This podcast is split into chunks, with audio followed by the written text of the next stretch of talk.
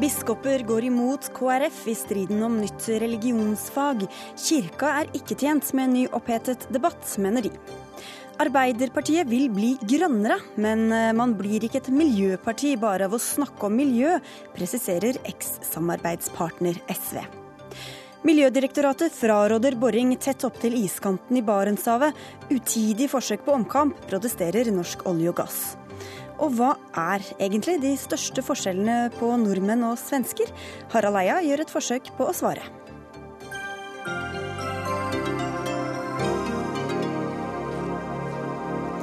Og det skjer her i Dagsnytt 18 på NRK P2 og NRK2 med Sigrid Solund i studio. Kristelig Folkeparti får kritikk fra kanskje uventa hold i Aftenposten i dag. Der går flere biskoper imot regjeringas planer om å endre religionsfaget i skolen. Det som i dag heter RLE, religion, livssyn og etikk, skal skifte navn til KRLE, hvor de slenger på en K for kristendom. Og det nye faget skal bestå av minst 55% kristendomsundervisning. Biskop i Stavanger, Erling Pettersen, du var selv med på å lage grunnlaget for det religionsfaget vi har nå, og som senere ble endra. Hvorfor er du imot å få inn denne K-en? Først og fremst fordi at eh, jeg tror at det er mer en symbolsak for Kristelig Folkeparti enn en sak som egentlig er nødvendig for å få faget til å fungere. Faget har allerede såkalte kompetansemål. De styrer undervisningen. Kompetansemålet sier jo, og det er Jens Brun Pedersen sikkert ganske uenig i, også, de sier at kristendommen skal, være, eh, skal ha en forrang eh, når det gjelder kvantitet. Men for, et, for, meg er det et poeng at alle religionene skal behandles kvalitetsmessig på samme måte. Vi skal undervise ut fra det som er enhver religions egenart. Og jeg er redd for at vi nå med denne diskusjonen om K-en kommer tilbake igjen til start, eh, der dette faget jo førte til en veldig betent religionspolitisk diskusjon som jeg ikke ønsker tilbake. Og Hva kan du gjøre med, med faget og de elevene som skal ha, ha faget? da? Faget har jo som en, som en, grunnforutsetning at vi skal både bli kjent med vår egen tradisjon, den kristne humanistiske arv og tradisjon, som vi sier, men vi skal også oppøves i dialog. Og det siste er ikke minst blitt nødvendig å jobbe aktivt med i skolen etter at Stålsett-utvalget kom med uttalelsene sine om det livssynsåpne samfunn. Og faget kan være et instrument for å oppøve elevene til dialog og respekt for hverandre. Men jeg er redd for at en satsing nå på å gjeninnføre en overvekt av kristendom også kan være med å føre oss tilbake inn i en livssynsmessig skyttergravskrig. Det høres jo ikke bra ut, stortingsrepresentant for Kristelig Folkeparti Anders Tyvand. Hvordan er det å ha så mange biskoper mot seg? Jeg registrerer at det er delte meninger blant biskopene om de endringene som er foreslått for KRLE-faget. Men jeg tror jeg kan begynne med å berolige biskopen her. Vi skal ikke tilbake til start. Eh, det er noen små endringer som er foreslått. Vi skal fortsatt behandle alle religioner kvalitativt likt. Men det vi har foreslått, det er to ting. Det ene er å gjeninnføre en bestemmelse som sier at uh, omtrent halvparten av faget, religionsfaget i skolen skal bestå av Ikke omtrent, men minst 55 ja, 55 skal bestå av kristendom. Uh, og så gjeninnfører vi K-en i navnet, sånn at navnet blir kristendom, religion, livssyn og etikk. Og, så var det spørsmål om dette var en stor symbolsak for KrF å få inn igjen denne K-en. Hva svarer du på det? Jeg mener det er helt naturlig at uh, faget har et navn uh, som gjenspeiler innholdet uh, i faget. og jeg vet at det var mange som også mente at det var symbolpolitikk da de rød-grønne valgte å fjerne K-en fra navnet i 2008. Da var faktisk to tredeler av høringsinstansene negative til navneendringen, men allikevel så, så ble dette presset gjennom av de rød-grønne partiene. Eh, da sto KrF, eh, Høyre og Fremskrittspartiet sammen og ønsket å beholde K-en i navnet, fordi vi mener det er naturlig. Det mener vi fremdeles, og derfor ønsker vi nå å, å gjeninnføre K-en i navnet. Den gangen i 2008 så var også biskopene veldig bekvemme med, med at eh, K-en gikk ut. Og vi tenker fremdeles som i 2008 at det viktigste er at dette er et skolefag. Og det skal ikke være en arena for forkynnelse. Og skolen skal heller ikke være en kamparena mellom tros- og livssyn. Og min hovedinnvending mot dette er at en, en gjør det til en nokså symbolladet strid. Eh, og fagmiljøet vil jo ganske sikkert være enig både med Jens Brun Pedersen og med biskopene om at det viktigste her er at elevene oppøves til dialog i et felles rom.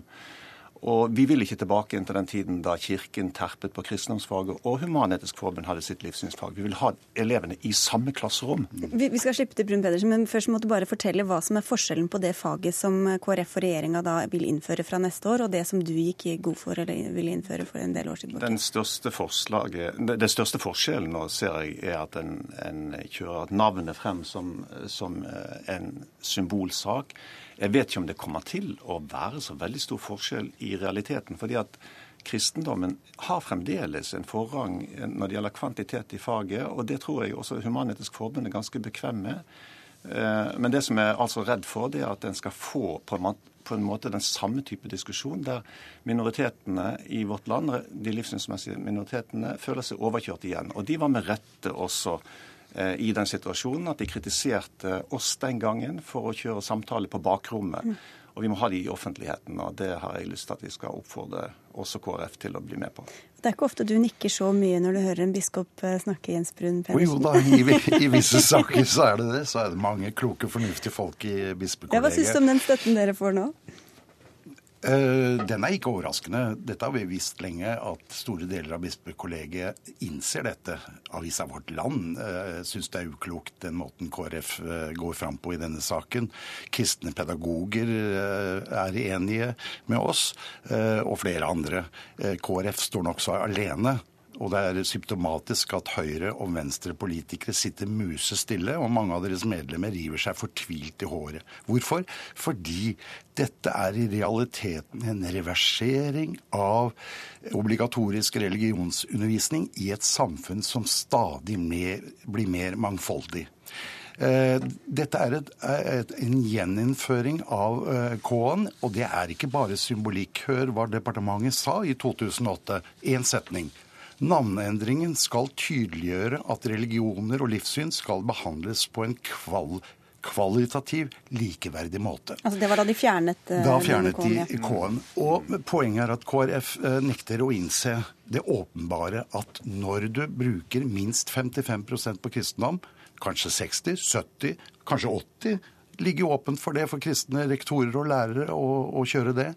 Så skal vi ha etikk, så skal vi ha filosofi, og så er det altså en fem-seks store verdensreligioner i tillegg. Og hvis ikke dette får, og dette var EMD, Europeiske menneskerettighetsdomstolen, meget opptatt av, storkammeret der, det var den kvalitative forskjellen på presentasjon Og det er åpenbart at når du får en sånn kvantitativ forskjellsbehandling av religionene, så får det kvalitative følger. Da må Tyvand få svare her. Ja, her er det mye å ta tak i, egentlig. Men jeg må jo først si at uh, karakteren i religionsfaget skal ikke endres. Eh, så vi skal ikke tilbake til en kvalitativ forskjellsbehandling av eh, religionene. Eh, det er helt riktig. Det gamle KRL-faget fikk en dom mot seg i Menneskerettighetsdomstolen, der det ble slått ned på nettopp dette. Men sa man der at man skulle forkynne kristendom i det gamle faget, da? Nei, men det skal vi heller ikke nå. Nei, men hvis det, er... det ble dømt i, i, i, domstolen, hvordan vet dere at ikke det nye også strider ja, imot det? det? Det ble gjort noen endringer i etterkant av dette. Det sto bl.a. at man skulle ha grundig kunnskap om kristendommen og om de andre religionene, så sto det at man skulle ha kjennskap. Eh, dette blir endra. Det blir vel eh, litt grundigere hvis du skal få 55% undervisning om det andre, og ikke så veldig mye om det Jo, men dom, dommen er også tydelig på at det er fullt mulig for et land å gi en religion en kvantitativ forrang, dersom man mener det er naturlig. Eh, og det mener jeg er naturlig i, i et land som Norge. Altså, Kristendommen er verdens største religion. Det er Norges største religion. Det er den religionen som i størst grad har vært med å påvirke samfunnet vårt gjennom 1000 år. Og jeg tror det er veldig mange som er enig i at det er fornuftig at man lærer eh, mer om kristendommen i skolen eller om andre eh, religioner. Mm. Og kunnskap om kristendommen, det er en viktig nøkkel til å forstå det samfunnet Og ikke bare kristne, men også kulturarven, den kristne kulturarven, Pettersen. Ja, det er klart. Jeg tror ikke det, det, er noen som eh, vil mistenke KrF for å ville drive misjonering i skolen. Men poenget i dag er at vi har et fag der det er kompetansemålene som styrer undervisningen. Og De kompetansemålene legger vekt også i dag på at kristendommen har en kvantitativ forrang. Men så trenger vi også den fleksibiliteten som all opplæring i skolen bygger på, som gjør at læreren kan ta utgangspunkt i det som er det lokale samfunnets eh, mangfold. Og det er dette mangfoldet som vi i dag har i mye sterkere grad fått i det norske samfunnet, som gjør at vi må ha vi må ha hovedvekten i dette faget ikke på identitetsdelen, men på dialogdelen. Og der, der, tror jeg det er veldig viktig at vi, vi tar en liten realitetssjekk. Og Hvordan tror du dette vil bli oppfattet av ateister eller buddhister eller muslimer eh, som kommer inn i det klasserommet og skal ha en dialog når over halvparten av det skal handle om kristendommen? Jeg tror at det er veldig mange eh, i det norske folk, uavhengig av personlig tro, som ser verdien av å ha kunnskap om eh, den kristne troen. Og jeg må bare si eh, det som har blitt resultatet etter at bestemmelsen om eh, en viss andel kristendom ble fjerna, det er jo at dette faget nå praktiseres svært ulikt fra skole til skole. Når vi nå får dette inn igjen, så kommer vi til å få et mer likt eh, KRLE-fag over hele landet, og det tror jeg er bra. Jeg lurer på når KrF skal bli fornøyd. Altså I norsk offentlig fellesskole i dag er det tillatt med gudstjenester i skoletida.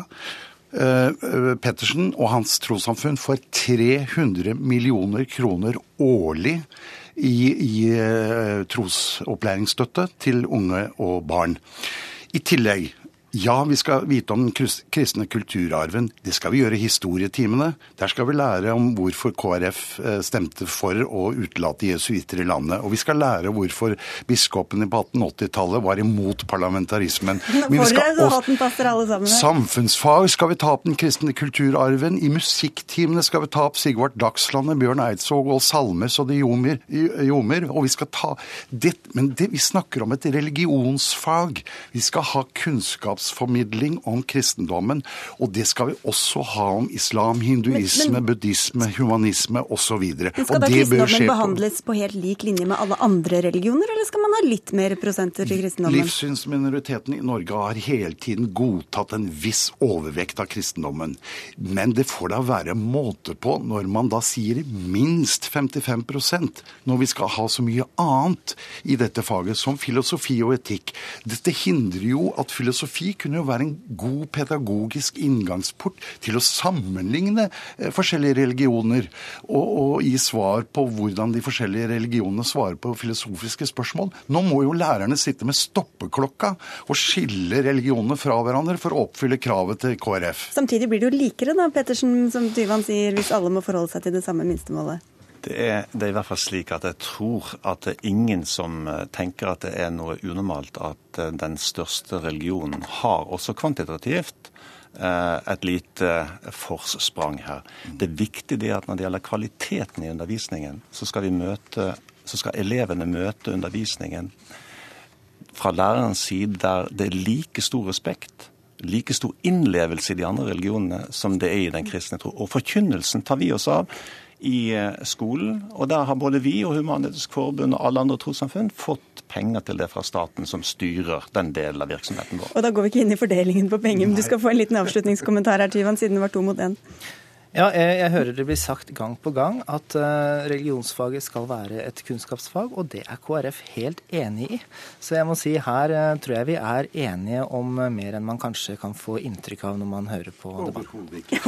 ikke. Det får bli siste kommentar. Takk skal dere ha for at dere kom til Dagsnytt 18, Erling Pettersen, Jens Brun Pedersen og Anders Tyvand.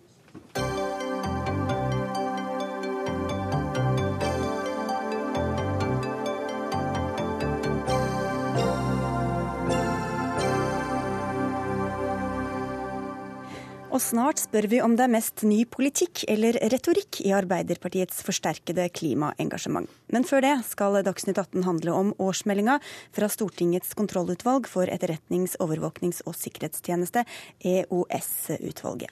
Meldinga ble lagt fram i dag. Der ber EOS-utvalget bl.a. om å avklare hvilken rett utvalget har til å kikke disse etterretningstjenestene i kortene.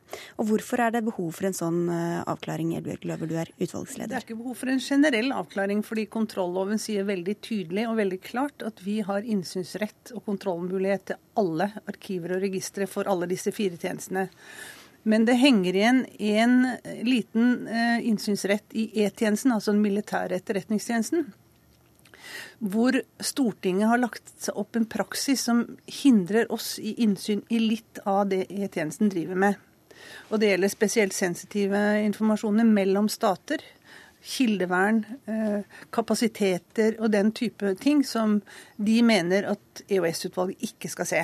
Og Hva gjør det med deres evne til å nettopp kunne kontrollere og oversette? Nei, Det gjør jo det at vi ikke har full kontrollmulighet som vi har i de andre eh, tjenestene. Og dette, denne praksisen har vært gjeldende siden 1999. Nå ber vi om Stortingets avklaring på er det denne praksisen som skal gjelde, eller er det kontrolloven.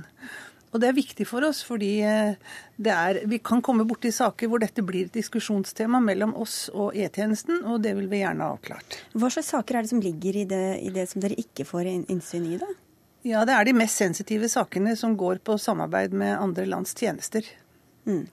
Og nå skal dette altså opp i, til Stortinget? som skal Vi har lagt, lagt fram saken for, for, Stortinget og ber om en avklaring. Mm. Uh, utvalget slår også fram at PST har brutt reglene ved å lagre store mengder informasjon fra kommunikasjon mellom advokater og klienter. Hvor alvorlig er det, vil du si? Jo, det er, det er for så vidt alvorlig, fordi advokater-klientinformasjon har en spesielt vern eh, under eh, menneskerettighetskonvensjonen.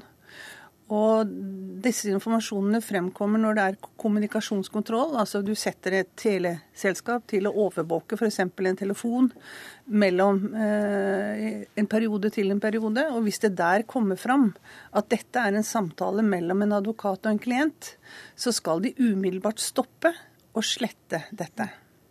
Men det har de ikke gjort? Nei, det ligger informasjon der som, som er av den karakter, og det skal de ikke gjøre. Og så har dere vært opptatt av amerikanske myndigheters overvåkning i utlandet. Og vi er jo en del av utlandet da, for amerikanerne. Hvor, hvor bekymra er du for det? Du tenker på dette Terrorist Green Center. Vi fikk informasjon om et arkiv som FBI rår over. Eh, PC fortalte at de hadde fått i oppdrag å legge inn, eh, etter noen spesielle kriterier, navn på noen nordmenn i det arkivet. Ehm, så fikk vi etterpå vite at det var lagt inn personer i det arkivet som ikke PST hadde lagt inn. Og det var usikkert da på hvilke kriterier det var lagt inn, og hvorfor de lå der. Og dette er et spørsmål som da opptar oss, fordi vårt hovedfokus er å passe på at ikke nordmenn blir registrert på uriktig grunnlag. Derfor har vi spurt Justisdepartementet om en avklaring på FBIs grunn til å ha disse nordmenn i arkivene. Det har ikke Justisdepartementet kunnet gitt oss enda, men vi har bedt enda en gang om at de ber amerikanske myndigheter om å forklare oss hvorfor disse nordmenn ligger der. Går det an å si noe om omfanget av denne overvåkningen? Nei, selve, selve registeret er nok ganske stort. Eh, men hvor mange nordmenn som ligger der, vet jeg ikke. Men vi kan jo ikke gå inn og sjekke FBI, så det må jo andre myndigheter gjøre. Og for å finne fram til dem, så må de vel overvåke litt flere enn bare dem det gjelder også, kanskje? Ja, det kan virke sånn på de nyhetsmeldingene som kommer, ja. EOS-utvalget problematiserer, altså dette gjelder jo også personvern kontra teknologi, og behov for overvåkning, kontroll osv. Og, så og der står det at den teknologiske utviklinga utfordrer hensynet til person, personvernet, som settes på prøve dersom hemmelige tjenester mener man trenger hele høystakken for å finne nålen. Altså dette har jo vært mm. problemer vi har hørt om, eller utfordringer mm, mm. lenge. Vil du si at vi er der i dag? Ja, hvor langt inn i høystakken vi er av det, det vet jeg ikke. Men, men, vi ser i hvert fall en veldig tydelig utfordring for oss som kontrollorgan. Fordi at teknologien springer foran, og tjenestene forholder seg til hverandre over landegrensene, mens vi som kontrollorgan må holde oss til nasjonale rammer. Så der ligger det en en utfordring, ikke minst for framtida, for hvordan vi skal få overnasjonale eller internasjonale regler for å kontrollere de samme tjenestene som opererer på de internasjonale arenaene over landegrenser. Nå har vi jo snakket om det som ligger bak oss, og dette er jo utfordringer som ikke slutter i morgen. Hvilke utfordringer ser dere i årene som, årene som kommer? da? Nei, altså Vi må for det første styrke vår egen kompetanse på den teknologiske siden, for at vi skal kunne gå inn i, i systemene og dataene og registrene og systemene for å skjønne hvor vi skal leite etter de ulike ting. Og så er det, er det utfordringer ressursmessig. Eh, det tror jeg vi skal klare på kort sikt å, å reparere. Men eh, jeg håper at eh, Solbakken-utvalget, som nå er nedsatt av presidentskapet for å evaluere oss og se hvordan vi har mulighet til å kontrollere i framtida, at de også vil ta denne problemstillingen opp. Da blir det vel grunn til å ønske deg velkommen tilbake, Elbjørg Løver. Takk skal du ha. Takk for at du var med i Dagsnytt 18.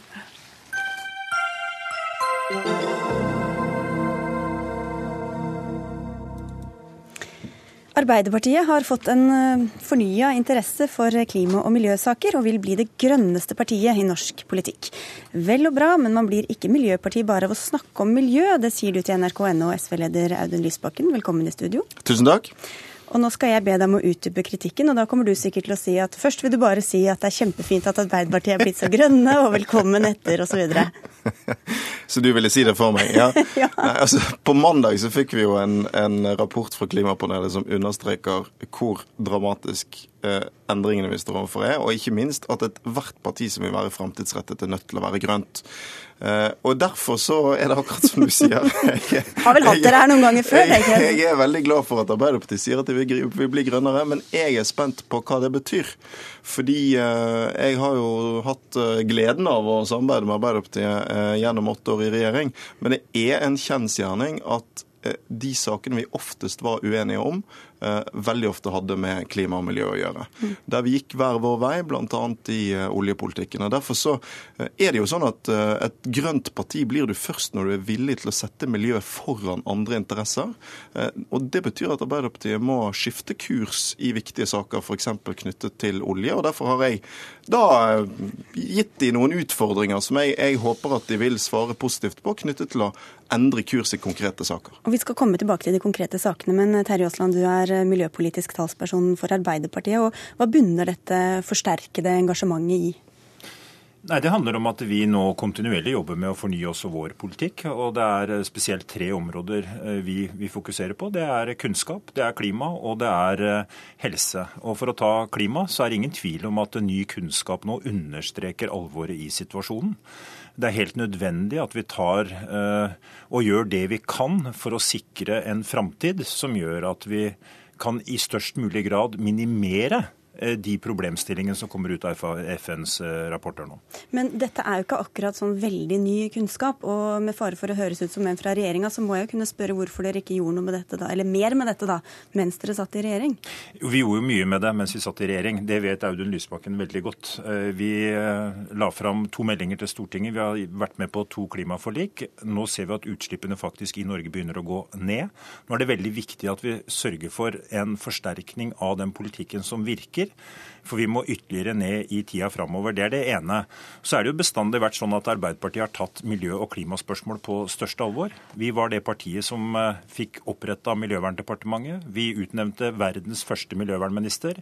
Vi har hatt Gro Harlem Brundtland og ikke minst Jens Stoltenberg som helt sentrale i det globale miljø- og klimaarbeidet. Så vår historie har vært veldig tydelig. Men, Men dere har ikke klart å få utslippene ned i noen særlig grad? Det er det vi, vi, er på vei ned nå. og Så må vi gjøre viktige ting i fortsettelsen. Punkt én, vi må sørge for at ikke vi unødig øker utslippene. Eh, i fortsettelsen. Og et av de store, viktige spørsmålene i tilknytning til det, det er jo hvordan vi nå om ca. ett år skal håndtere utbyggingen av Utsira-området med da Johan Sverdrup fase 1. Vi er veldig tydelige på at vår målsetting det er å elektrifisere det området. fordi hvis ikke vi gjør det, så vil vi få nesten 1 millioner tonn mer CO2-utslipp fra norsk sokkel. Og her det er tåler vi ikke. enig. Men, men Audun Lysbakken, bare for å se litt mer tilbake. Hvor stor skyld vil du gi Arbeiderpartiet for at utslippene ikke er gått mer ned de siste årene? Altså, Vi har uh, mye å være stolte av når det gjelder den rød-grønne regjeringens innsats, men det er heller ingen uh, si, spesielt godt bevart hemmelighet at det var mange uenigheter om uh, miljøspørsmål i den regjeringen, og at det var SV som var den rød-grønne regjeringens grønne fløy. Og særlig var de uenighetene knyttet til oljepolitikken. Hvor eh, høyt skal oljeutvinningstempoet være? Hvor raskt skal vi starte omstillingen til de arbeidsplassene vi skal leve av i fremtiden? Og det handlet jo ikke minst om konkrete konflikter rundt eh, hva slags områder oljeindustrien skulle slippes til på. Lofoten, Vesterålen og Senja er det mest kjente eksempelet på det. Du, en kollega av deg, tidligere stortingsrepresentant Alf eh, Holmelid fra SV, skriver på sosiale medier at med tanke på all den tiden han har brukt på å kjempe imot Arbeiderpartiet om miljøpolitikk, så virker det de sier nå nokså spesielt. Er du enig i det? Jo, Ja, men, altså, jeg, men jeg vil jo ikke, Når Arbeiderpartiet sier at det vil bli grønnere, så har jeg ikke tenkt å kritisere det. Men jeg, det jeg etterlyser, er jo hva slags handling som følger de ordene. Fordi at Det som har vært problemet i eh, norsk politikk i mange år, og som er grunnen til at vi ikke får utslippene kraftig ned, det er at det har vært et flertall som har satt andre interesser først. Og Det flertallet har altfor ofte bestått av Arbeiderpartiet, Høyre og Frp. Og Det er jo derfor det er så viktig hvis Arbeiderpartiet vil skifte side. For da har vi som er miljøpartier plutselig en mulighet til å danne flertall mot høyresiden for en mer offensiv klima- og miljøpolitikk. Og hva består den nye offensive klimapolitikken i Aasland? Nei, vi, vi vil eh, være tydelige på tiltak som virker. Det vi må gjøre, det er som jeg sa når det gjelder uh, framtida rundt eh, olje- og gassvirksomheten på norsk sokkel, så må vi stille krav om elektrifisering der det er mulig. Vi må gjøre noe med transportsektoren. Eh, der kan vi, eh, tror jeg, eh, få ned utslippene i vesentlig grad. Eh, vi må se på hvordan vi kan gradvis nå eh, veksle det svarte karbon inn i grønt karbon, satse på treforedlingsindu, eh, altså treforedlingsindustri osv. osv. Nettopp for å også utvikle alternativer og gjøre det samtidig fordelaktig for folk å velge eh, klimagode løsninger. Det er det vi må jobbe sammen om. Og jeg tror Audun eh, er like enig med meg i at den store bekymringen nå, det er jo faktisk at dagens regjering nesten ikke tar klima i sin munn. Nå er ikke de her, da, så nei, vi får begrense det, men litt det er, en, det er en bekymring som jeg tror mange er opptatt av i dag. Når den ene rapporten etter den andre kommer, understreker alvoret. Og da hører jeg dem i bakhodet. Det er, det er ikke bedre å snakke om det uten å gjøre noe osv. Så, videre, så vi får, la, vi får vente til de er her med å ta faktisk den debatten. Men Lysbakken var også inne i utvinningstempoet i oljesektoren. Er Arbeiderpartiet villig til å la, la olje ligge?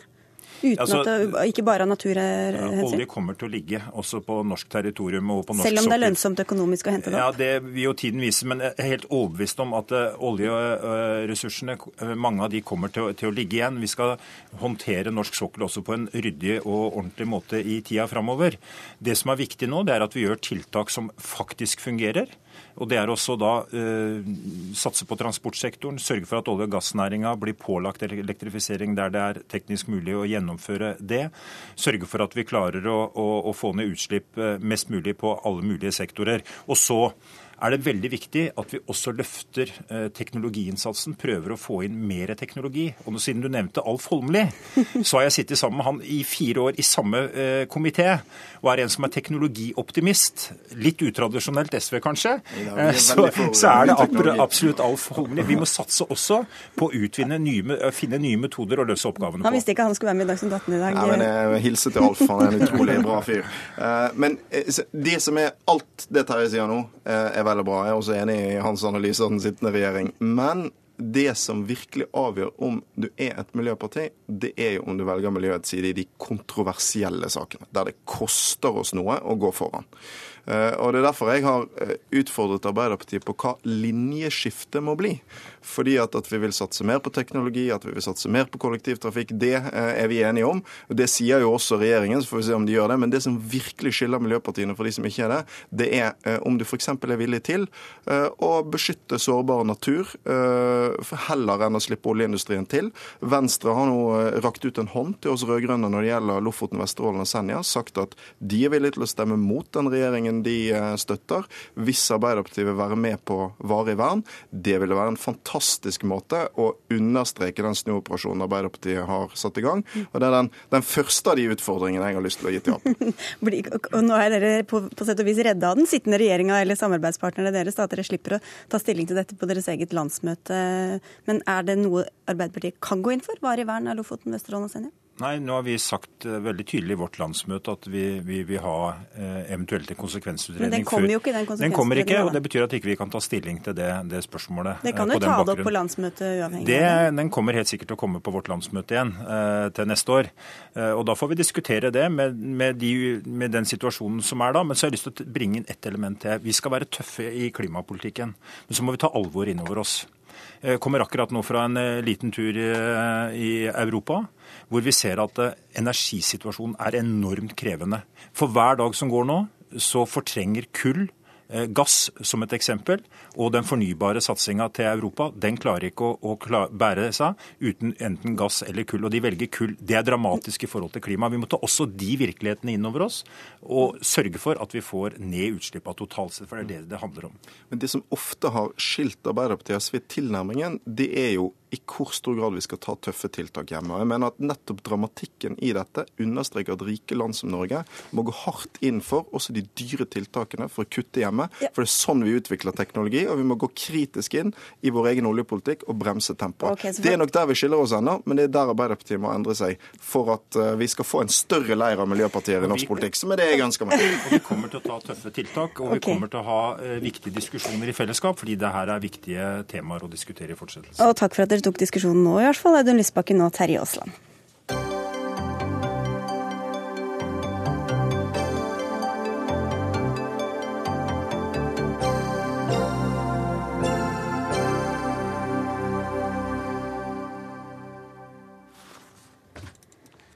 Snart skal vi få besøk av Harald Eia for å foredra litt om mulige forskjeller eh, på nordmenn og svensker, men først til en åpenbar ulikhet, nemlig den norske oljen.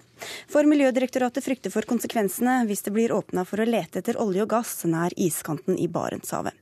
Nå ønsker direktoratet å kutte over halvparten av blokkene som Olje- og energidepartementet har foreslått i den 23. konsesjonsrunden. Erling Kvadsheim, direktør i Norsk olje og gass. Dere reagerer på dette utspillet fra Miljødirektoratet og kaller det et forsøk på omkamp. Hva mener dere med det? Stortinget har besluttet å åpne disse områdene. Eh, Ja, et bredt flertall i Stortinget har besluttet å åpne disse områdene for olje- og gassleting. Og Da skaper Miljødirektoratet da stor usikkerhet ved å kreve at blokken ikke skal åpnes. Og en samla bransje står ganske oppgitt over dette her eh, forsøket på omkamp som vi nå ser fra Miljødirektoratet. Sånne omkamper det vil eh, risikere, altså vi risikerer at det er gode muligheter som, går, som vi går glipp av. Det er uheldig for bransjen. Forutsigbarheten som vi er avhengig av, blir det stilt eh, spørsmålstegn ved. Og de politikerne som har vedtatt dette, denne åpningen, de må jo synes at eh, denne oppførselen fra dette direktoratet er ganske underlig. Ellen Hambro, direktør i Miljødirektoratet. Ønsker dere en omkamp om eh, disse områdene? Eh, Nei, selvsagt ikke. Vi tar ikke politisk omkamp. Eh, Vi regulerer petroleumsaktiviteten. Alle leteboringer må ha tillatelse fra oss, og vi skal stille krav til beredskap som skal bidra til å hindre at et eventuelt utslipp ikke når sårbare miljøressurser. Og med bakgrunn i den myndighetsrollen så gir vi en høringsuttalelse hvor vi påpeker at rammebetingelsene rundt iskanten er utfordrende. Så dette er innspill dere er bedt om å komme med nå, da? eller? Vi er, blitt, eh, vi er blitt kontaktet og bedt om å komme med en høringsuttalelse, og så viser vi til at iskanten den er høy eh, økologisk eh, produksjon, veldig høyt biologisk mangfold.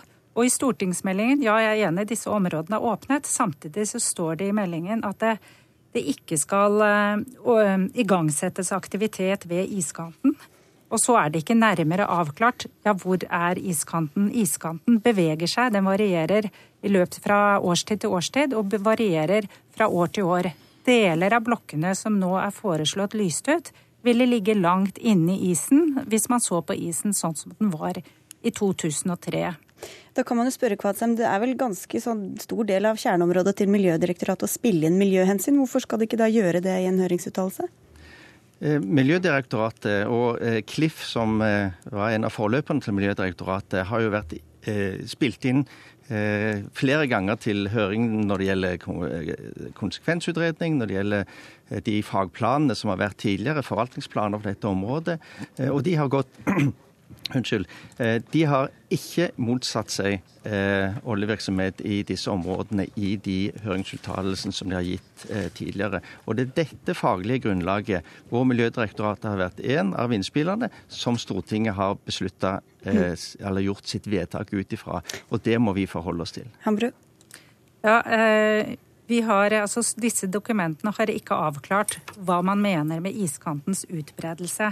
Det står faktisk i stortingsmeldingen at dette vil bli tatt opp på nytt i forbindelse med neste oppdatert forvaltningsplan for Barentshavet. så, så, dere hadde ikke mulighet til å komme med de samme innspillene da? Altså, da vi mener at det er et behov for en tverrsektoriell faglig vurdering av en definisjon av iskanten, så man får klarere rammebetingelser. Det tror jeg er viktig, ikke bare for oss som regulerende myndighet, men også for operatørene som skal inn i dette området. Her vet vi at det er helt spesielle beredskapsutfordringer. Drivis, polare lavtrykk, eh, ising av utstyr. Det er veldig lang avstand fra land. Det er veldig liten infrastruktur. Så jeg tror alle parter ville være tjent med å få noe mer erfaring med miljørisikoanalyser og konkret beredskap her oppe. Og så har jo ikke vi frarådet. Vi har bare sagt at la oss vente til vi får noe mer erfaring og noe mer tydelige rammebetingelser rundt iskanten. Og Hvorfor er ikke dette informasjon som er nyttig for dere å sitte med også, da, Kvadsheim? Eh, det er klart at det er ekstra utfordringer ved å operere i arktiske områder.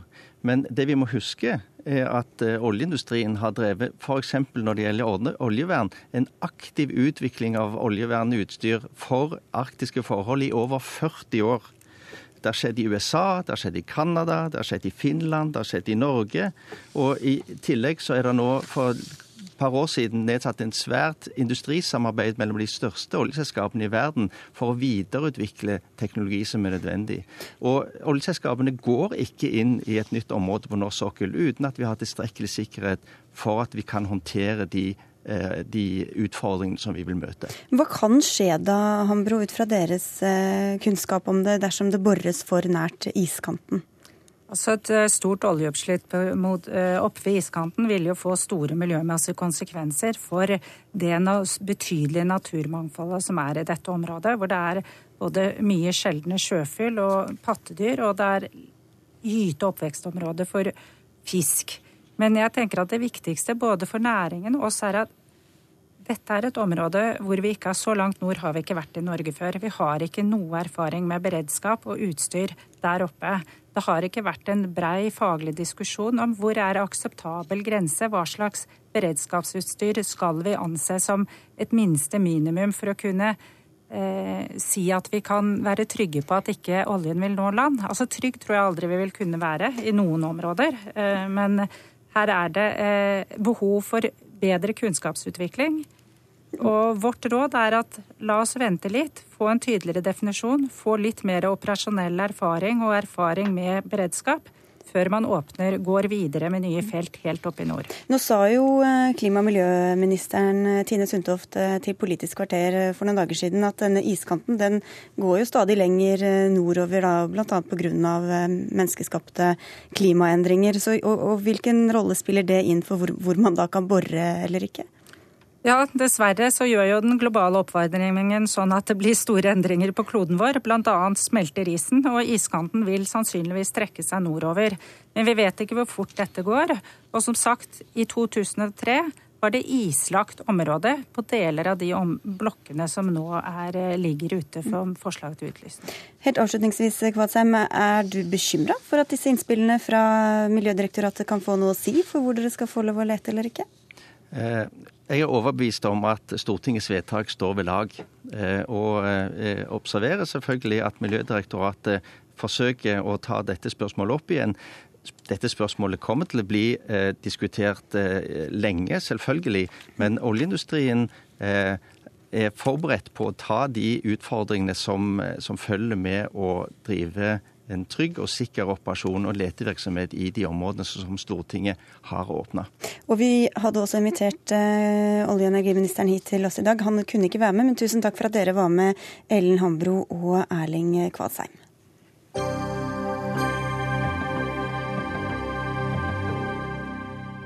Da skal vi til en melding som kom for litt siden, nemlig at Nato har besluttet å stoppe alt eh, praktisk sivilt og militært samarbeid med Russland som følge av krisa på Krimhalvøya. Natos generalsekretær Anders Fogh Rasmussen er i ferd med å starte en pressekonferanse om dette akkurat nå. Og reporter Jarle Roem Haakonsen, du er i Nato-hovedkvarteret i Brussel. Hva er det ventet at han kommer til å si? Han eh, måtte jo, og Nato og utenriksministrene måtte jo gjøre noe overfor eh, Russland i dag. Så dette er det minste de kunne gjøre, å stanse det praktiske samarbeidet.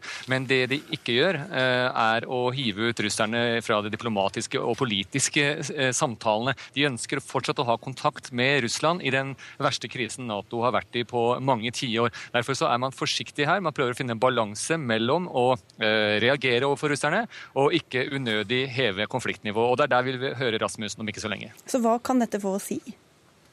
Det er uh, sannsynligvis uh, vanskelig uh, å si, men det åpenbare er at man ønsker fortsatt å se om det er riktig at russerne er i ferd med å trekke seg noe tilbake. Her i dag så sier Nato at de ikke har noe bevis på at det er riktig det Putin sier, at de er i ferd med å trekke seg noe tilbake fra grensa mot Ukraina, men de håper at så vil skje.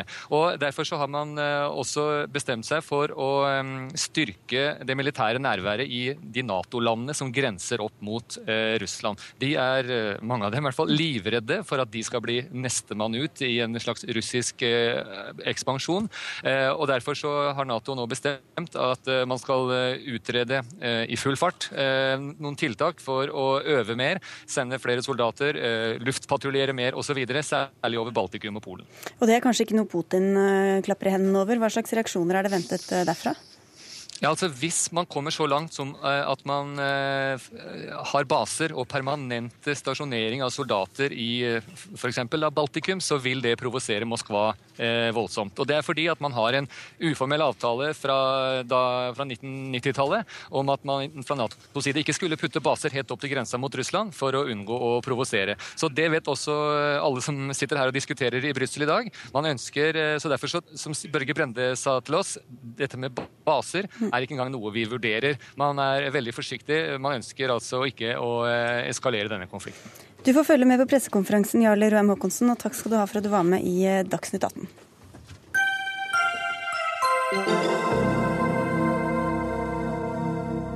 Hvor stor forskjell er det egentlig mellom svensker og nordmenn? Se, det er et spørsmål som har opptatt deg, komiker og sosiolog Harald Eia, i hvert fall gjennom en hel kronikk i Klassekampen. For å ta de kulturelle forskjellene først. Hvordan oppfører nordmenn og svensker seg egentlig ulikt sånn i hverdagen? Her har vi jo først og fremst uh, vitneberetninger fra folk som har bodd i begge land. da. Så NRKs korrespondent i Stockholm mener at svenskene er veldig, de er som tyskere. Veldig, stå, veldig nøye, står i kø, veldig disiplinerte. Mens kolleger av meg som kommer fra Sverige, mener at vi er på en måte Nordens italienere. Vi er ikke til å stole på. Vi er veldig blide og positive, men vi gjør ikke det vi skal. Så vil jeg liksom finne ut disse erfaringene alle gjør. Gjenfinner man det i statistikken, altså når man gjør spørreundersøkelser, ordentlige vitenskapelige metoder, ikke bare sånn subjektive inntrykk. Og da finner man veldig små kulturelle forskjeller. Da, eh, vi er først og fremst veldig like og forskjellige fra resten av verden, sammen med danskene. da. Så denne artikkelen var et slags forsøk på å finne hvor ligger forskjellen. Og jeg fant til slutt noen forskjeller som jeg kunne belegge med statistikk. Og det handler om at Eh, den svenske eliten, altså de som bestemmer den offentlige samtalen, journalister og sånne ting, eh, har, eh, er ganske streng. Det er mange ting som ikke er lov å snakke om. Det er ikke lov å diskutere f.eks. innvandringskritiske standpunkt så lett. Og de spørsmålene rundt kjønn er veldig betente. Og det har, muligens har det ført til at vanlige svensker har mindre tillit til sine medier enn norske publikum har. Og det, det, er helt tydelig. Norske publikum har større tillit til norske medier enn det svenskene har til sine medier. Fordi det de er opptatt av eller opp, opplever eller tror i hverdagen, er ikke det som reflekteres i avisene, da, eller? Ja, det er riktig, fordi den svenske befolkning er omtrent like mange som er f.eks. kritisk til innvandring, men det kommer ikke, de, dette blir ikke diskutert i offentligheten. Der holdes de tingene unna. Sånn at den, den svenske folkemeningen reflekteres ikke i offentligheten. Og det har kanskje, en hypotese, gjort at eh, de har mindre tillit. Men eh, jeg ble jo litt sånn glad over at vi ikke bare ble sett på som innadvendte og sure nordmenn, men var litt sånn sydlandske. Men det holdt ikke helt vann, det da? eller? Rotekopper. Det er jo, vi har jo ikke kontroll. Det er jo mye dumt å, å lurve til norsk offentlighet. Det er jo for meg som på en måte har et politisk korrekt hjerte, så liker jeg på en måte bedre å lese svenske aviser, for alt er så god smak. Det er mer sånn som jeg vil ha det. Mikael Klingberg, du er programsjef ved Voksenåsen kurs- og konferansehotell, som eies av det svenske kulturdepartementet. I sin tid en gave fra Norge til Sverige, overbrakt av Einar Gerhardsen, for å få med det. Hvor godt syns du Eia treffer i beskrivelsen av nordmenn kontra svensker? Nei, altså, Den godeste Eia skriver veldig bra og um, har funnet da, sitt uh, sted der han finner en eller annen uh, morsom forskjell. Uh, jeg vil vel klassifisere som at vi har løgn, og vi har forbannet løgn, og så har vi statistikk. Og, og, Man kan bruke statistikk til veldig mye, og her har han brukt det til å bevise en tese om at, vi, at det er forskjell på oss. Men vi har jo det her stendig återkommende som landskamp mellom Sverige og Norge. Og selv så tror jeg kanskje mer på det som som eh, Thomas von Brømsen, altså Hebbe Lille i sin tid sa at det er større forskjell mellom Sør-Norge og Nord-Norge enn mellom Sverige og Norge. Eh, han fant jo ut at det fantes en grense mellom Sør- og Nord-Norge som het hestkukgrensen. For at det var noen som hadde kritisert en politimann, eller sagt eh, hestkuk til en politimann i Trondheim og fikk en bot, mens det jo oppfattes som en ren kompliment i Nord-Norge. Og Den forskjellen er nok som sagt betegnende på at det er større forskjell mellom Nord- og Sør-Norge enn mellom Sverige og Norge. Eh, forskjellen mellom Kongsvinger og Karlstad er helt ugjenkjennelig. Der finner du ingenting. Når du sen går inn på denne statistikken, så er det jo sånn at man kan også vende det og si at ja, 40% eller hva det var som i, Sverige som 44. var 44 til og med. Ja, til og med det. ja, det er nøye. Rett skal være rett. Det er svensken i det. Ja, det er helt riktig. Det er akkurat det. Og de var kritiske til, eller, eller trodde ikke på aviser. Og jeg har blitt oppvekst med at nei, man skal ikke tro på alt som står i avisene. Så det syns jeg var en sunn skepsis fra svenskene. Mens nordmennene da ja, de er litt naive og godtroende og, og tror på hva som står i avisen. Men eh, du stiller også spørsmålet Eia, er det så farlig, da? Hva, kom det fram til da? Nei, altså, ja, for vi som nordmenn så er det ofte litt vanskelig å forstå hva er det som er så farlig med å diskutere alt mulig rart eh, i, svenske, i mediene, i offentligheten. Mens, mens eh, min hypotese er at svenske eliten oppfatter litt annerledes. Mer står på spill fordi de setter en dagsorden når de snakker om ting i mediene. Og de, de, de kan på en måte bestemme hvordan det svenske folk kan oppføre seg, tror den svenske eliten i større grad. Du sammenligner det med foreldre og barn. Ja, de er strenge foreldre som har veldig kustus med hva som snakkes om rundt middagsbordet, mens norske foreldre er litt mer sånn de lar humla suse litt, det sies veldig mye rart. Og det interessante er at um, samfunnsforskere visste at Sverigedemokraterna kom til å komme, fordi de hadde sett at det var en veldig skepsis til innvandring i den svenske befolkning, men ingen hadde diskutert det, og så eksploderer det i det litt sånn stygge partiet Sverigedemokraterna. Vi var så vidt innom, eller ikke så vidt, vi var innom dette i Dagsnytt 18 på fredag også, men hvordan tror du Eias eh, kommentar eller kronikk hadde blitt mottatt i Sverige, da? Nei, altså jeg, For først så tror jeg da at den kronikken ikke hadde eh, medført at det hadde blitt noe debattprogram i tilsvarighet til Dagsnytt 18, for det hadde vært et stort gisp. Men, men, men eh, ja, derfor at jeg tror ikke den svenske, i hvert fall i Stockholm eller litt langt unna Norge, er ikke så opptatt av, av denne landskampen. Eh, At vi er så stor forskjell. For, fordi at man oppfatter at vi faktisk er veldig like. Og, og, og svensk oppfatning om, om nordmenn som generelt vil jeg påstå er at nordmenn er glade, søte, morsomme og eh, kanskje litt naive og så. Mer naive enn svenskene, eller hva er, store, hva er, hva er svenskenes syn nok, på forskjellene, da? Det var nok den i hvert fall tidligere oppfatningen at, man, at nordmenn var naive og godtroende. Den tror jeg har erstattet litt eh, med oljeformuen og, og sånn som har påvirket eh, oppfatningen. Men du har prøvd deg i Sverige også, Harald Eia, for å lage humor der. Hvordan gikk det? Ja, vi har, vi har vært der et par ganger. Vi ble invitert bl.a. etter at vi hadde gjort Team Antonsen i 2004. Og da har vi vokst opp med svensk humor, som jeg er veldig glad i. som er ganske, sånn som Da jeg vokste opp, i hvert fall, ganske rå. Eh, Så da vi var i møte med et svensk produksjonsselskap, så, så spurte de har du noen tanker om hva slags humor du kan lage her i Sverige. Og så sa vi ja, vi har sett at det er veldig mye nynazister som går rundt i gatene i Sverige. Det er gøy. På nyhetene. Kunne lage et eller annet at vi prøver å øh, komme inn der, men vi mener at det er mye fremmedfiendtlighet på nordmenn og sånn. Og så ble det helt stille rundt bordet. Og så, ja, og så sa vi vi har mange andre ideer òg, men den nynazisme-ideen, kanskje den er litt morsom. Nei, eh, vi har bestemt oss for å ikke gi nynazistene mer oppmerksomhet, sa de. Så vi vil helst ikke ha noe humor rundt det. Så da, Det var liksom mitt første møte med den litt sånn, litt sånn streng, svenske strengheten. Da Og da mumla vi litt sånn i barten. Ja, dere snudde dere andre veien da 300 000 tyske nazister kjørte med tog gjennom landet, og nå snur dere andre veien en gang til. Men, men det, er, det, det er noen Er det ikke Føler ikke du at det er litt vanskeligere å snakke helt sånn fritt? Kunne jeg fått på et innlegg mot abort i Sverige f.eks.? I en stor avis? Nei, Der tror jeg faktisk kanskje oppfatningen om fri abort er, såpass sterk i Sverige at det er og sekulær. Men så er vi den, den, den debatten. Den, debatten er vi litt ferdig med. Det her. Men, og, men derimot så holder jeg med deg om det her med Sverigedemokraterna og at man da la lokket på det var nog eh, inte särskilt, eh, det var nog inte särskilt bra, helt enkelt. Men Sverige blir eh, liksom beskyldt da, for å være ex, enda mer politisk korrekt enn det nordmenn beskylder hverandre for å være. Er det det? Ja, det, altså, vi anstendige, det tenker de på sånn. Det er det ikke sånn? da? God altså, smak og ja, Vi hadde faktisk en, et seminarium om tillitskris i Europa for et år siden på Voksenåsen. og, og Da var Bernt Årdal der, og han, han pekte på at den generelle tilliten, altså det der med at vi, vi tror at vi, vi, stoler på de fleste. Det, det er liksom den generelle ja. tilliten. Det har ingenting med aviser å gjøre. Men vi stoler på de fleste. Den generelle tilliten den er veldig konstant i Sverige og Norge, og veldig høy. Og det, Der skiljer vi oss fra øvrige Europa og øvrige verden. Og den har ingen, enligt Bernt Årdal så har den inga trendsikre fluktuasjoner. Det Si säga den holder seg veldig konstant. Mm. Den kan fluktuere noe, men den holder seg veldig konstant. Og det er jo veldig oppløftende, syns ja, jeg. Ja, ja. Jeg jøyer meg. Jeg er Sverige-fan nummer én. Ja. Ikke minst fordi du da er den sydlandske fyrige nordmannen. Jeg, jeg sier det om alle land, egentlig. og så er det store spørsmålet, Harald Eie, er det født sånn eller blitt sånn? det må være blitt sånn denne gangen.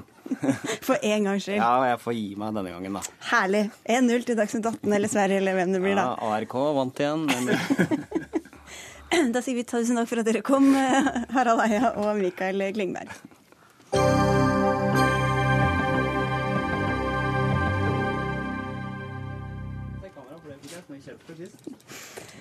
Den eh, blå regjeringa har fått eh, mye kritikk for eh, likestillingspolitikken sin, men da den ble utnevnt, var det like mange kvinner som menn blant statsrådene.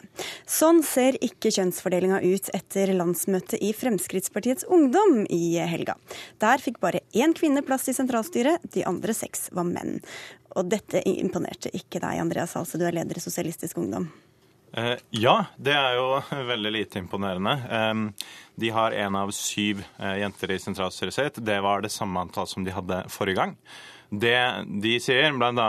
Atle Simonsen, da, gratulerer med jobben forresten, som er ny formann i FPU, er jo at de velger de flinkeste folka uavhengig av kjønn. Og Da er mitt spørsmål til Atle da, om de virkelig ikke har flere flinke jenter i FPU. Det er jo i så fall litt synd. Og da er vel ballen allerede spilt over til deg, Atle Simonsen. Du er som sagt nyvalgt formann i FPU. Ja, eh, jeg trodde helt oppriktig at dette var en aprilspøk når jeg hørte det først. Jeg trodde et parti i krise som SV hadde viktigere ting å diskutere enn hva som er mellom beina på FPU sin ledelse. Eh, og vi mener at kvotering av jenter er diskriminering. Vi har valgt de dyktigste i hele organisasjonen, ikke gitt noen en gratisbillett. Men hvorfor har dere ikke flere dyktige kvinner som dere vil ikke kvotere inn, da, men få inn i ledelsen? Ja, men vi har veldig mange dyktige jenter. Denne gangen var det ikke så mange som stilte, men to av tre som stilte som var jenter, ble valgt inn. Eh, men vi har ni av 19 fylkesledere som jenter. Halvparten av våre lokallagsledere er jenter. Eh, vår tillitsvalgskonferanse i fjor hadde et klart flertall av jenter. Eh, og i Harstad FPU hele lokallagsstyret jenter. Og det Hasle vil, det er at jeg skal legge ned Hasle FBU fordi det er kun jenter. Eh, fylkesstyret i Troms bl.a., der det kun én gutt. Og det SV vil at jeg skal gjøre, det er å nekte disse jentene i Harstad og Troms et verv å engasjere seg, og det kommer jeg aldri til å gjøre. Altså, Dere har én av syv jenter nå. Dere hadde én av syv eh, forrige gang. Hvis dere hadde vært et allment aksjeselskap, så hadde dere vært eh, tvangsoppløst. Og Det synes jeg er det, kanskje det mest interessante med den saken her. Det er jo ikke hvordan FPU velger å styre sin organisasjon. Det må de for så vidt gjøre som de vil med. Men FPU er det beste eksempelet på at FPUs politikk ikke fungerer i praksis. Men hvorfor tar du bare utgangspunkt i sentralstyret da, og ikke de andre vervene som man også nevner? Ja, altså, man vet at desto høyere opp man kommer, desto vanskeligere vanskeligere er det å komme gjennom det, det nåløyet. Vi vet at det er vanskeligere å få jenter til å stille enn å få gutter. Jeg opplever at Hvis en gutt og en jente er like flinke, så er det veldig sannsynlig at gutten vil oppleve seg veldig mye flinkere enn jenta, og jenta også fort vil oppleve at gutten er flinkere, selv om hun egentlig er flinkere selv. Derfor mener jeg at man må legge inn en ekstra innsats for å få jenter til å ta på seg tunge verv. Det er jo akkurat derfor det er viktig med kvoteringsregler, sånn at man får på plass de faktisk flinke folka. Jeg tror det som skjer med FPU nå, er det samme som kan skje med de selskapene som ikke praktiserer kvotering. Det er at man ikke leter godt nok blant jentene. Det gjør at man går glipp av veldig mange talenter. Og det er veldig dårlig, ikke bare fordi at det er liksom urettferdig for kjønnenes muligheter i eh, Norge. Men det gjør også at vi, eh, at vi, går glipp av mange talenter, at ikke vi får de flinkeste folka. Hvor flink er dere til å heie opp og liksom støtte og, og, samle inn kvinner eller jenter da, som vil inn eh, opp og fram, eh, Simonsen? Jeg tror alle jenter i FPU er veldig glad for at de slipper å bli sett på som svake mennesker, og at de skal bli valgt fordi de er jenter. Eh, det SU driver med, det er ikke likestilling, det er diskriminering. Og i FPU så har vi valgt de aller beste. Eh, og jeg er stolt av å lede en organisasjon hvor alle tillitsvalgte er valgt for det de har mellom ørene, og ikke det de har mellom beina, som er viktig for SU. Men det han sier er jo at kanskje noen jenter oppfører seg litt annerledes og trenger litt mer eh, oppfølging eller oppbacking for å komme inn i styret. Er det ikke en erfaring som du har? Nei, tvert imot. Eh, så var det sånn at vi har to av, av totalt ni, har vi to stykk som er jenter. Og det var én til som stilte, og hun falt dessverre ut i en, en, en konkurranse med andre. Men vi har valgt de aller beste. Og, og, og, eh, Vi opplever ikke at det er vanskeligere for jenter å stille. Som jeg sa, er 9 av 19 fylkeslederjenter, og halvparten av våre lokallagsledere er jenter. Jeg syns det er bra at, eh, at, folk stiller til sentralstyre og høye posisjoner, men det må være på egne, de må være disse egne valg. Og en del jenter i FBU har valgt å å ha verv lenger nede i organisasjonen. Det er mm. flere som kunne stilt, men, men de ønsker ikke å fratre sine posisjoner lenger nede. og Der kan de òg jobbe for å få flere jenter med. Hvordan tror du det oppleves da, Halse, for en uh, ung kvinne som uh, ønsker å ha et verv eller ikke ha et verv, og liksom blir behandla annerledes enn menn og sier sånn 'du er flink, kom igjen', altså heia på på en helt annen måte enn man ville gjort mot en gutt? Mm. Jeg vet ikke om man blir behandla så mye annerledes, men det handler om at når man har noen regler om at man skal prøve å Eh, i hvert fall tilstrebe å ha begge kjønn noenlunde likt representert. At man leter bedre, at man kanskje spør en ekstra gang. At man tar den ekstra tunge praten som skal til for å motivere en person som er dyktig, men kanskje ikke innser selv hvor dyktig man er. Eh, at man kan ta på seg et verv. Og jeg syns det er synd å høre nå hvordan FPU-lederen sitter og snakker ned jentene i sin egen ja, organisasjon. Jeg er sikker på at det er flere flinke jenter i FPU jeg, som kunne, kunne, tatt et verv hvis man hadde valgt å lete bedre. FPU har to sentralstyrer på rad med én av sju jenter. De har aldri hatt en kvinnelig leder i FPU. Jeg tror ikke det er fordi det ikke har vært noen jenter som er flinke nok. Jeg tror det handler om kultur, og jeg tror det handler om hvilke regelverk man har internt. Simonsen? Ja, Nå har vi i hvert fall endelig fått en, en kvinnelig statsminister etter mange år uten det. Eh, og jeg er jo glad for at vi har en partileder som er valgt på bakgrunn av hva hun er flink på, og ikke på bakgrunn av hva kjønn hun har. Men tror du det er helt tilfeldig at de har ni kvinner og ni menn i den regjeringa? Ja, det tror jeg at de har valgt eh, flinke folk, men de har òg tilstreba å prøve å ha folk av, av, eh, altså fra begge kjønn. Hvorfor tror du de har gjort det? Og det ønsker vi òg. Men jeg vil si at de jentene vi har i FBU er utrolig flinke. Hun som er valgt inn i FBU, heter Sara Økland, er 19 år, et av de største talentene i FBU, og er politisk rådgiver for byrådet i Bergen. Vi har mange flinke jenter, men det som SU gjør med kvotering, det er at de fratar kvinner muligheten til å vise at de er like dyktige, eller dyktigere enn andre menn. Vi velger de aller beste til posisjonene i FBU, og det er jeg veldig stolt av at vi gjør. Ja, Vi har også fantastisk mange dyktige jenter i ledelsen i SU. Jeg lurer litt på hvilke muligheter du mener at de er fratatt med å få muligheten til å prøve seg i ledelsen til landets beste ungdomsorganisasjon? Nei, det, det, som skjer, det er jo at de eh, blir sett på som at de har fått den jobben fordi de er jenter, og ikke fordi at de er dyktigst. Og Det ønsker jeg at ingen jenter i FBU noensinne skal føle på. De skal vite at de er valgt på bakgrunn av sine kvalifikasjoner, eh, på bakgrunn av det de har gjort tidligere, og fordi at folk ønsker de i organisasjonen. Ikke på hva de har mellom beina, men på hva de har mellom ørene. Men når dere velger de flinkeste, kan det være at noen av de flinkeste ikke har så lyst til å være med når nesten alle andre der er menn og gutter? Vi har hatt konkurranse om å få komme inn i sentralstyret, og det var jenter som ønsket å stille som ikke ble valgt. Eh, men vi oppfordrer alle til å stille til, til verv de ønsker. Og jeg, jeg, er veldig glad for at jeg har fått et kjempekompetent sentralstyre, hvor det er to jenter og, av ni. Eh, dyktige både jenter og gutter, og det har vi i hele organisasjonen. Som jeg sa, Ni av 19 fylkesledere, og halvparten av våre lokallagsledere er jenter. Jeg er veldig glad for at FPU er et levende eksempel på at deres egen politikk ikke fungerer i praksis. Jeg er stolt av de jentene som sitter i sentralstyret hos oss, og jeg er sikker på at ingen av de føler på, i hvert fall ikke før det ble sagt her, at det er fordi de er jenter. Alle de vet at det er fordi de er dyktige, at de har fortjent den plassen. Det mener jeg at flere burde fortjent, også i andre organisasjoner. Da hadde man ikke trengt kvotering. Takk skal dere ha i hvert fall for at dere kom til Dagsnytt 18, Atle Simonsen, nyvalgt formann i Fremskrittspartiets Ungdom, og Andreas Halse, leder i Sosialistisk Ungdom. Og det var det vi fikk med i dagens Dagsnytt 18. Ansvarlig for sendinga var Bjørn Atle Gillestad, Teknisk ansvarlig Finn Lie, og jeg heter Sigrid Solund.